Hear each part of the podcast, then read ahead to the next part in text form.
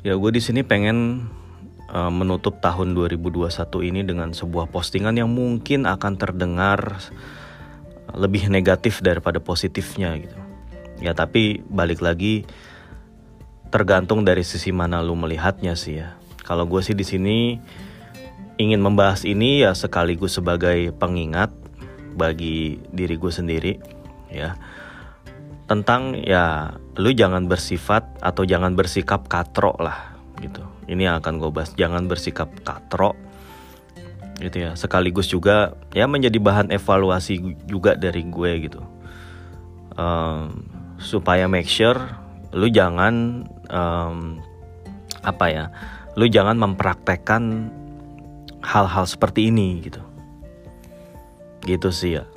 Gue lebih suka memandangnya seperti itu emang kalau kita ngomong gitu ya kalau kita ngatain orang ah katro lu atau kita kita lagi ngomongin orang nih ah dia mah katro orangnya gitu. Itu maksudnya apa sih? Katro itu apa gitu?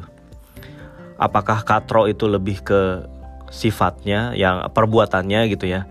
Yang seperti orang kampungan misalnya cara berpakaiannya atau cara bersikapnya cara berbicaranya itu mungkin terlalu deso gitu atau terlalu yang apa ya pokoknya hmm, bukan kalangan kita gitu cila kita itu siapa? Ya pokoknya orang yang agak lain aja lah gitu pembawaannya. Gitu yang suka nervousan yang suka seradak seruduk gitu suka prone to incident prone to accident yang kayak gitu-gitu. Kita sering mema apa uh, menyebut orang-orang seperti itu dengan sebutan katro ya. Jadi orang-orang yang ceroboh ya, yang dikit-dikit jatuh, dikit-dikit nyenggol ini itu. Yaitu orang yang tidak apa ya, artinya orang-orang seperti itu kan orang-orang yang biasanya tuh nggak punya kepercayaan diri yang tinggi gitu. Dia kebingungan kayak kehilangan arah jadinya, kehilangan pegangan. Aduh, gue mesti gimana nih? Aduh, gue mesti ke mana nih? Nah, itu terlihat tercermin dari sifat-sifat apa uh, perilaku yang seperti orang gugup, kagok, gitu ya. Jadinya serba salah gitu. Gimana sih kalau orang udah serba salah kayak yang ah gitu pokoknya I don't belong here gitu. I wish hmm, I wish I'm I was not here gitu. Pokoknya gue harap gue nggak di sini gitu. Gue berharap uh, eh, gue pengen pulang terus besok orang udah lupa kejadian kemarin gitu. Kayak momen-momen kayak gitu ya. Mungkin uh, kita juga kadang ngelakuin lah momen-momen memalukan seperti itu gitu ya. Ya. Tapi menurut gue katro itu nggak selalu seperti itu sih. Nggak selalu menampilkan atau mencirikan orang-orang yang ceroboh atau orang-orang yang ya yang seperti itu tadi yang gue bilang selebor, ceroboh ataupun yang orang-orang gak pede, orang-orang maluan dan lain-lain yang akhirnya melakukan sesuatu yang memalukan. Enggak, gue nggak fokus gue nggak ke situ gitu. Gue pengen lebih ke orang yang katro secara hmm, apa ya ngomongnya ya katro secara sikap sikap dia ke ke orang lain gitu Artinya menurut gue gini, orang yang katro itu adalah orang yang menurut gue dia nggak bisa ngontrol ininya, ngontrol penilaiannya ke orang lain gitu. Eh maksudnya dia nggak bisa menyembunyikan penilaian dia ke orang lain dan dia langsung pokoknya dia langsung jeplakin ke orang gitu. Orang yang terlalu ceplas-ceplos. Menurut gue itu katro.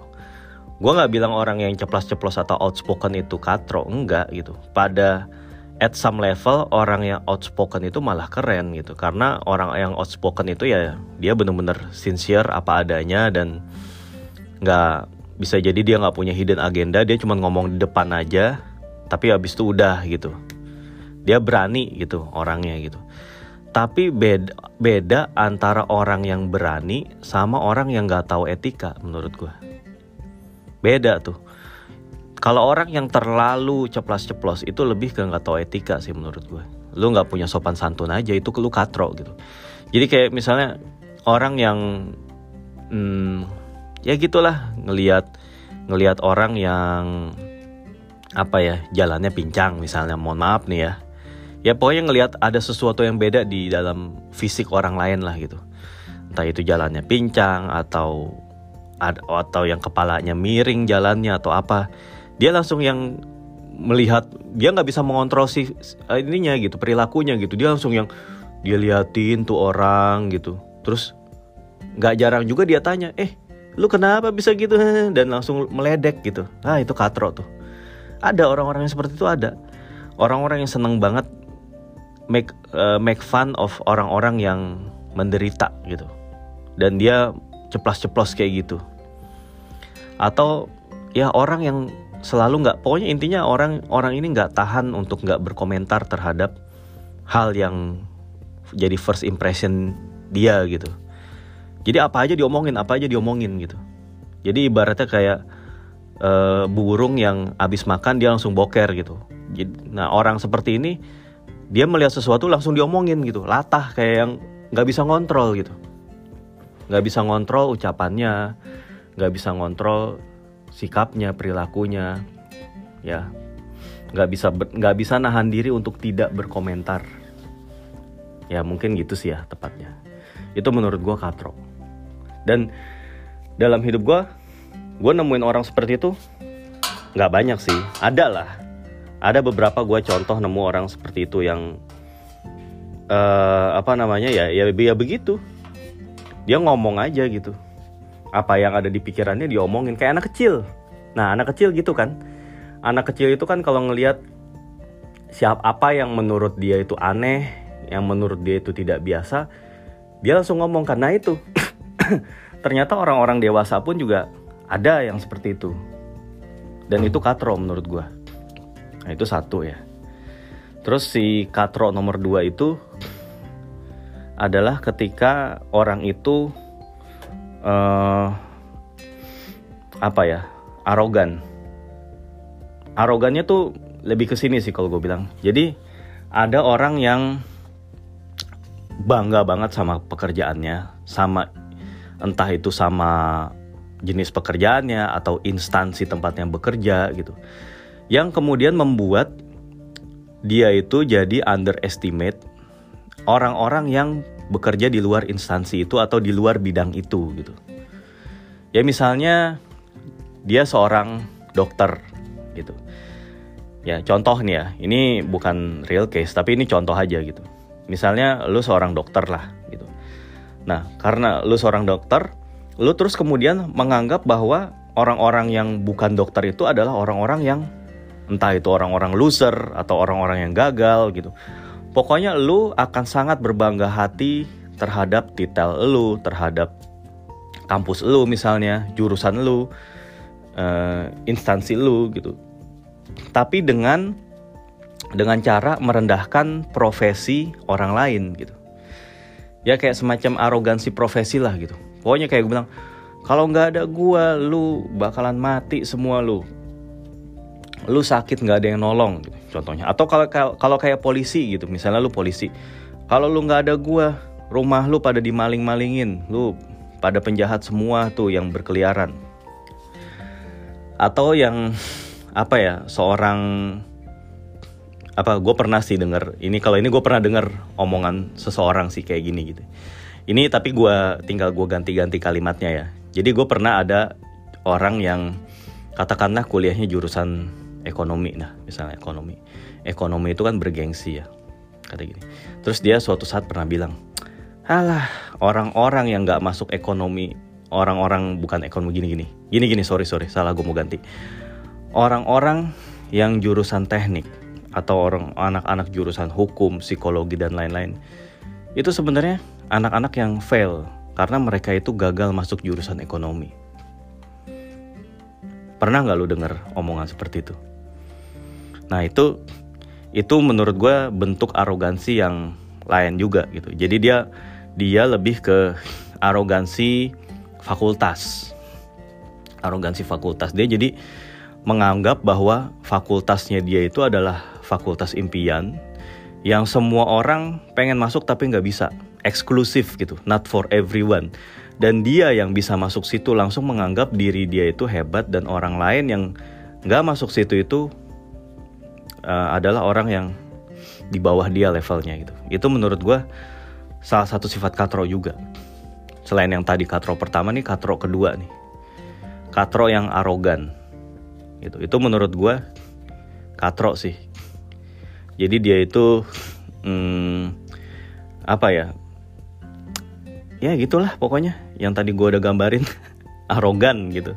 Lo pasti kalau orang-orang seperti ini pernah lihat ya. Atau ada juga yang yang gini, gue juga pernah nemu contoh orang yang misalnya lu lu kerja di sebuah perusahaan nih, perusahaan lu katakanlah bergerak di bidang apa ya, jasa audit lah gitu. Kantor akuntan gitu aja. Nah, dia menganggap pekerjaan sebagai auditor itu adalah pekerjaan paling keren di dunia. Jadi dia itu akan senantiasa memandang bahwa uh, seorang auditor itu ya adalah orang yang paling pinter, paling ideal dan segala macam. Dan orang yang punya karir bagus sebagai auditor itu adalah orang yang paling hebat di dunia. Jadi seakan-akan gini, kalau misalnya ada orang yang berkarir di kantor akuntan tersebut, tapi ternyata karirnya nggak bagus gitu, misalnya nggak selalu promosi dan lain-lain, nilai appraisalnya nggak selalu bagus, dia akan memandang rendah orang tersebut seraya dia kemudian memandang tinggi orang yang jabatannya tinggi di kantor tersebut gitu. Ya padahal kan gini kan, padahal kan orang namanya juga dalam pekerjaan ya, nggak semua orang cocok jadi auditor gitu. Bisa aja kan orang dia cuman kayak nyasar aja nih di kantor akuntan, padahal sebetulnya dia itu lebih bagusnya di ilmu desain misalnya. Tapi dia tetap menganggap bahwa ah lu payah lu gitu lu eh, nggak uh, bisa begini. Lu jabatan lu segini doang gitu. Tanpa dia melihat oh sebenarnya potensi orang ini nggak di sini nih gitu. Ya itu sebenarnya deket-deket juga sama arogansi profesi juga sih. Tapi ya pokoknya gitulah. Intinya sebetulnya orang-orang seperti itu udah arogan pandangannya sempit. Ya itu kurang katro gimana coba? Ya mohon maaf ya. Uh, tapi ya gue juga pernah sih ketemu sama orang-orang seperti ini. Gitu. Dan gue menganggap orang orang-orang seperti ini tuh katro. Terus katro ketiga. Nah katro ketiga ini si tukang bohong. Ya mungkin ya itu nggak asing. Lu pasti punya temen saudara atau siapa yang apa kalau ngomong itu senantiasa bokis gitu bohong. Padahal hal apa ya untuk bahkan untuk hal yang obvious atau hal yang jelas sekalipun orang seperti ini tuh bisa bohong gitu kayak dulu pernah ada seorang katakanlah seleb gitu ya seleb di media sosial yang kurang lebih dia ngomong aduh gue habis naik taksi ini di London gitu ya. Terus uh, eh, gue uh, dia karena dia nganterinnya cepat gitu ya gue pada saat itu buru-buru ya gue ngeliat dia kayak orang-orang imigran gitu dan dia sepertinya butuh uang. Jadinya ya gue kasih aja tuh tip tips ke dia 100 pound pakai pecahan 100 pound. Padahal dalam mata uang pound sterling itu tidak ada pecahan 100 tapi dia nulis kayak begitu dan seolah-olah itu hebat. Gitu ya. Ya kayak gitulah. Ya maksudnya ya ya lu kalau mau sebelum ngebohong lu riset dulu keles gitu loh maksudnya. Itu kan katro ya. Maksudnya lu ngebohong tapi lu terlalu polos gitu tapi ya ada juga sih orang yang ngebohong. Misalnya uh, aduh uh, eh, gue butuh duit nih. Uh, eh, gue mau KKN atau kuliah kerja nyata gitu ya. Gue butuh duit 10 juta buat gue KKN ke sebuah desa terpencil gitu. Itu butuh ongkos butuh sewa rumah butuh makan dan lain-lain. Gue butuh duit segitu. Ya padahal kita semua tahu kalau dalam masa pandemi itu nggak ada KKN offline gitu. Tapi dia tetap insist ngebohong seperti itu. Nah, terus ada juga yang ngebohong. Uh, eh, gue pernah nih ada ada satu contoh sifat ngebohong katro lagi. Jadi ada seseorang yang suka banget posting di media sosial dia sebagai statusnya atau postingannya dia gitu. Yang dia posting itu rumah orang ya rumah orang jelas-jelas rumah orang bukan rumah dia tapi dia membuat posting itu seolah-olah itu rumahnya dia Padahal semua orang yang tahu gitu ya, semua orang yang tahu dan pernah ke rumah dia itu langsung tahu, ih rumahnya nggak kayak gini deh. Ini mah bukan rumahnya nih, kenapa dia aku akuin sebagai rumahnya gitu. Waduh, itu ada. Atau ada bahkan juga ada orang yang posting misalnya posting makanan enak gitu, makanan bagus, makanan enak yang fotonya bagus gitu maksudnya itu dia akuin sebagai masakannya dia. Padahal jelas-jelas itu gambar gambar uh, nyomot dari Google. Ya.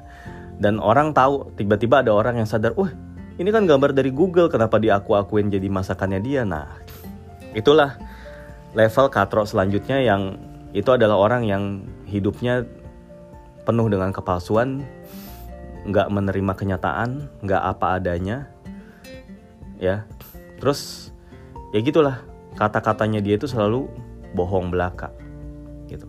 Atau ada orang yang ya ya biasalah kayak ngaku pernah ke mana pernah ke mana gitu ya. Pernah ke negara mana padahal nggak pernah gitu. Dia ngomongnya pernah ke sini sini sini padahal tempat itu sebetulnya udah nggak ada lama gitu. Cuman kayak ngetes aja gitu. Ini orang bohong apa enggak nih gitu. Tapi ternyata apa dia ngomong gitu ah ketahuan nih bokis nih orang gitu atau bahkan gue pernah ada orang dengar gue pernah dengar omongan orang yang bilang gini aduh uh, keponakan saya tuh ya ya orang Indonesia dia gitu. Tapi karena bapaknya tinggal di Amerika dapat kerja di Amerika gitu. Terus uh, dia itu ngelahirin anaknya. Anaknya itu matanya jadi biru. Buset. Itu level bokis apa? Coba gila sama apa gimana caranya orang orang Jawa gitu ya kulitnya sawo mateng tiba-tiba lahir di Amerika punya mata biru. Aduh dan semua orang itu tahu. Semua orang jadi langsung hah? Langsung begitu dengar dia ngomong gitu reaksinya langsung yang hah? Matanya biru gitu. Kayak yang eh yang bener aja lo gitu. Tapi dia tetap melanjutkan kebohongannya gitu. Jadi walaupun uh, orang lain itu tahu bahwa itu adalah sebuah cerita bualan, cerita yang membual gitu ya. Tapi dia tetap kayak lanjutin, iya matanya biru. Uh, waduh. Itu katro sih gue bilang. Asli itu katro. Katro banget gitu ya. Jadi ya jauhin lah sifat-sifat kayak gitu menurut gue. Terus um, ya mungkin ini bahasan bisa berseri-seri sih kalau ngomongin sifat katro orang karena banyak. Ya gitulah. Gitu ya. Uh, apalagi ya sifat-sifat katro itu ya. Katro tukang bohong. Um, katro tadi kan katro pro arogan katro tukang bohong katro uh, terlalu ceplas-ceplos gitu. sebenarnya banyak sih hal-hal katro lainnya gitu. Oh ya ada lagi nih. Ini si katro yang egois. Katro egois ya. Jadi gue pernah punya kenalan bukan temen sih kenalan gitu ya uh, orang dia ini uh, tiba-tiba ikut main ini ceritanya gue pas lagi ada di lapangan bola di sebuah kampus nih gue lagi main sama teman-teman gue tiba-tiba dia datang gitu dia datang ke situ lagi lagi lewat atau lagi apa karena dia kenal sama gue dia negor gue gitu kan. Gue kan ya udah weh gue gitu kan gue negor balik gitu. Terus dia langsung minta izin eh gue boleh ikutan main nggak? Gitu. Kebetulan gue lagi lewat sini nih. Oh ya udah silakan gue bilang gitu. Main aja gitu. Ternyata pas dia ikutan main sama tim gue gitu dia itu ngerusak semuanya maksudnya ngerusak adalah dia itu mainnya dibilang jago jago jago amat juga enggak gitu. Tapi dia maruk mainnya. Main sendiri nggak mau bagi-bagi nggak mau oper-operan maruk. Pokoknya semua serba dia gitu. Kalau dia bikin gol dia tuh senang banget. Kayak yang ngasih umpan ke dia itu dia nggak nggak nggak tengok. Pokoknya kayak kayak berasa ini karena gua loh ini karena gua hebat loh. Ini gue nih yang ngegolin ini gue nih si bintang gitu kayak seolah-olah dia kayak pengen ngomong statement seperti itu tapi dia nggak sampai hati aja untuk ngomong. Tapi dari gesturnya dia dari pembawaan dia kelihatan dia pengen seperti itu gitu. Dan orang-orang orang-orang kayak gini juga juga banyak gitu. Orang-orang yang egois orang-orang yang take credit gitu yang yang mengambil pujian yang harusnya buat satu tim tapi dia makan sendiri orang-orang yang nggak inget orang lah intinya yang pokoknya mungkin dia merasa tata surya ini tercipta buat dia. Dunia ini berputar dengan dia sebagai pusatnya gitu. Ini orang-orang seperti ini yang halu juga sih sebenarnya. Antara gue juga bingung antara antara dia itu egois, sombong, tinggi hati atau halu malah halusinasi dia gitu. Mungkin kebanyakan nongkrong di dekat pohon pas malam-malam gitu kan. Kan banyak karbon dioksida dari pohon gitu. Mungkin otaknya kurang oksigen jadi halu gitu kali itu orangnya. Ya gitulah pokoknya. Kita tahu dia aduh ini orang halu banget gitu ini orang uh, apa namanya egois banget egosentris banget gitu dan orang seperti ini juga model-modelannya nih kalau misalnya lagi cerita lagi nongkrong gitu cerita-cerita pengalaman misalnya itu dia akan lebay dan dia akan mengambil alih pembicaraan gitu ngambil alih pembicaraan dan ini juga tipikal orang yang suka motong pembicaraan. Itu kan salah satu adab dalam ngobrol itu kan ya lu jangan motong pembicaraan orang gitu kecuali lu minta izin dari dia gitu ya. Ini enggak dia akan suka motong pembicaraan dan itu akan mengalihkan dengan omongannya dia gitu, dengan pengalamannya dia. Kalau gue sih gini gini gini gini. Misalnya ada yang cerita, gila gue waktu itu sakit banget. Pernah gue gue pernah jatuh dari dari motor langsung gue nih uh, sikut gue ada jahitan 10 10 jahitan sakit banget gue oh dia langsung gak mau kalah. Ah lu masih mending. Lu cuma 10 jahitan gua nih 20 jahitan di sini nih. Lu percaya nggak? Wah. Jadi kok kayak seolah-olah dia tuh pernah mendapatkan kemalangan yang lebih dari orang lain gitu. Dan dia masih survive di situ gitu. Atau dia pernah mendapat kalau misalnya bicara prestasi nih misalnya misalnya ada temannya yang bilang ya gue dulu juara satu loh lomba nyanyi tingkat RT gitu. Wah dia langsung gak mau kalah. Loh gue juara satu tingkat kelurahan. Nah gitu. Itu tipikal orang-orang yang halu lah gitu. Orang-orang yang pengen dipuji orang-orang yang ya itu berakar dari sifat egois sih kalau gue bilang. Sifat uh, sikap egois orang yang pokoknya nggak mau kalah lah. Intinya nggak mau dia nggak mau kalah dari lawan bicaranya dia. Padahal itu pointless juga pointless juga artinya. Ya harusnya kan orang yang bener itu ya lu diem aja nggak usah banyak ngomong gitu. Tapi kalau emang lu bener-bener hebat ya orang-orang juga tahu gitu. Tanpa lu ngomong orang juga tahu tentang prestasi lu tentang kebaikan yang lu lakukan tentang hal-hal hal-hal yang keren yang lu pernah uh, wujudkan gitu. Tanpa lu flexing tanpa lu bragging orang tahu gitu tapi kalau lu katro lu kayak merasa lu harus omongin nih gitu. Lu harus lu harus omongin sehingga lu mendapatkan validasi gitu. Lu tuh akan selalu mencari validasi. Gitu ya. Mencari validasi dari orang lain dengan tindakan-tindakan lu ini ya itulah.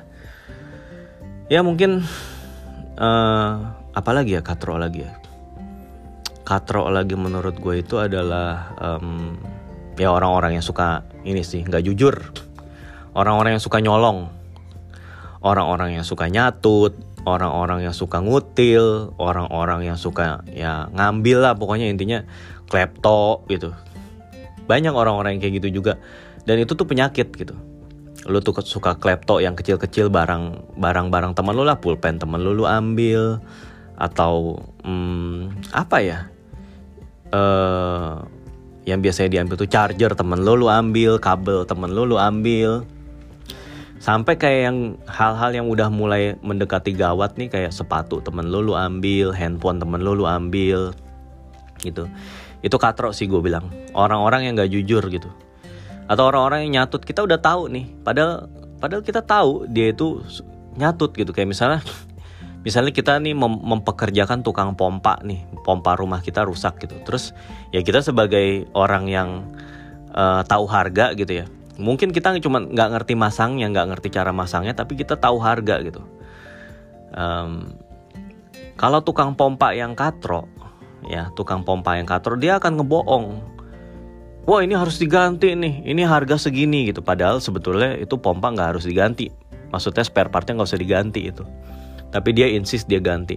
Ya itu emang terjadi sih. Nah ini nih. Mungkin tepatnya adalah gue lebih gue maksudnya pengen ngomong orang yang katro ini dia ini memanfaatkan uh, pengetahuan dia gitu untuk membodoh-bodohi orang gitu untuk menipu orang demi kepentingan pribadi dia gitu. Jadi ya lu kayak sering lah. Misalnya lu ke bengkel gitu ke bengkel motor yang atau bengkel mobil yang gak jelas gitu nah ini orang-orang orang-orang seperti ini dia akan wah langsung kayak menganggap kita mangsanya gitu. Kayak waduh ini gue ini deh nih orang nih gue kerjain nih. Gitu. Dibilang lah ininya rusak pak mesti diganti. Ininya rusak mesti diganti. Akhirnya lu habis jutaan padahal aslinya gitu. Lu cuma butuh cuma puluhan ribu gitu. Atau kayak tukang servis TV gitu. Ya servis TV misalnya TV lu rusak sebetulnya spare part yang diganti itu harganya cuma 15 ribu harganya. Tapi Uh, karena lu memanfaatkan ketidaktahuan dari konsumen lu gitu lu langsung tembak aja oh jadi semua 500 ribu. Itu bisa terjadi. Lu misalnya dengan cara menjelaskan dengan bahasa yang terlalu teknis sehingga orang itu nggak nggak ngerti sehingga lu tuh tampak pinter gitu ya. Akhirnya jadi ya itu ciri-ciri tuh orang yang mau nipu gitu itu pasti kayak gitu deh dia pasti akan ngejelasin pakai bahasa yang teknis gitu. Ini ininya bang. Ininya jadi yang rusak ini misalnya lu ngebenerin servis alat-alat e elektronik nih. Ini sebenarnya uh, apa dia ngejelasin lah ngejelasin istilah-istilah teknik uh, ini listrik kelistrikan dan lain-lain. Itu yang kelihatannya ribet banget omongannya yang kelihatannya dia tuh jago pinter gitu. Padahal intinya yang harus diganti misalnya power supply-nya lah rusak gitu sebenarnya intinya itu tapi dia mencoba menjelaskannya dengan bahasa yang ribet seolah-olah kerusakannya parah dan yang harus kita bayar tuh mahal gitu. Itu ya gitulah teknisi-teknisi inilah teknisi-teknisi bodrek. ya gitulah. Itu sering kita temuin juga tuh tukang AC, tukang listrik, tukang benerin TV, apa mekanik uh, mekanik motor atau mobil, tukang servis handphone itu wah itu tukang-tukang kayak gitu tuh sering banget tuh menggunakan bahasa-bahasa yang sok rumit dan lain untuk membodoh-bodohi pelanggannya. Dan itu menurut gue katro sih. Ya itu bikin orang jadi uh, males untuk mereparasi barang seperti itu karena tahu dia bakal ditipu. Sementara nyari tukang yang jujur itu susah langka asli lu nyari tukang apa yang jujur yang bener-bener nggak nyatut yang amanah yang yang nggak ngeberatin konsumen itu susah banget. Sekalipun ini di zaman zaman digital gitu ya. Mungkin kalau zaman digital ini uh, itu udah bisa diminimalisir lah. Kan kayak semuanya itu udah terrecord semuanya itu udah uh, tercatat dan lain-lain. Jadi dia ruang untuk dia bermanuver dengan segala tipu dayanya itu dibatasi lah gitu ya. Tapi tetap ada. Orang-orang seperti itu tuh tetap ada tuh orang-orang old school yang ngerasa wah ini lu ada di kerajaan gue lu ini dia kayak bersikap seperti Freddy Krueger gitu. Dan orang yang si customernya itu sebagai orang yang terjebak dalam mimpinya dia masuk ke dunia dia ah, lu gue tipu abis-abis lu. Ya tapi belum tahu yang dia undang ke dalam mimpinya itu si Jason. Jason Voorhees yang tiba-tiba dia bisa ngelawan di dalam mimpinya.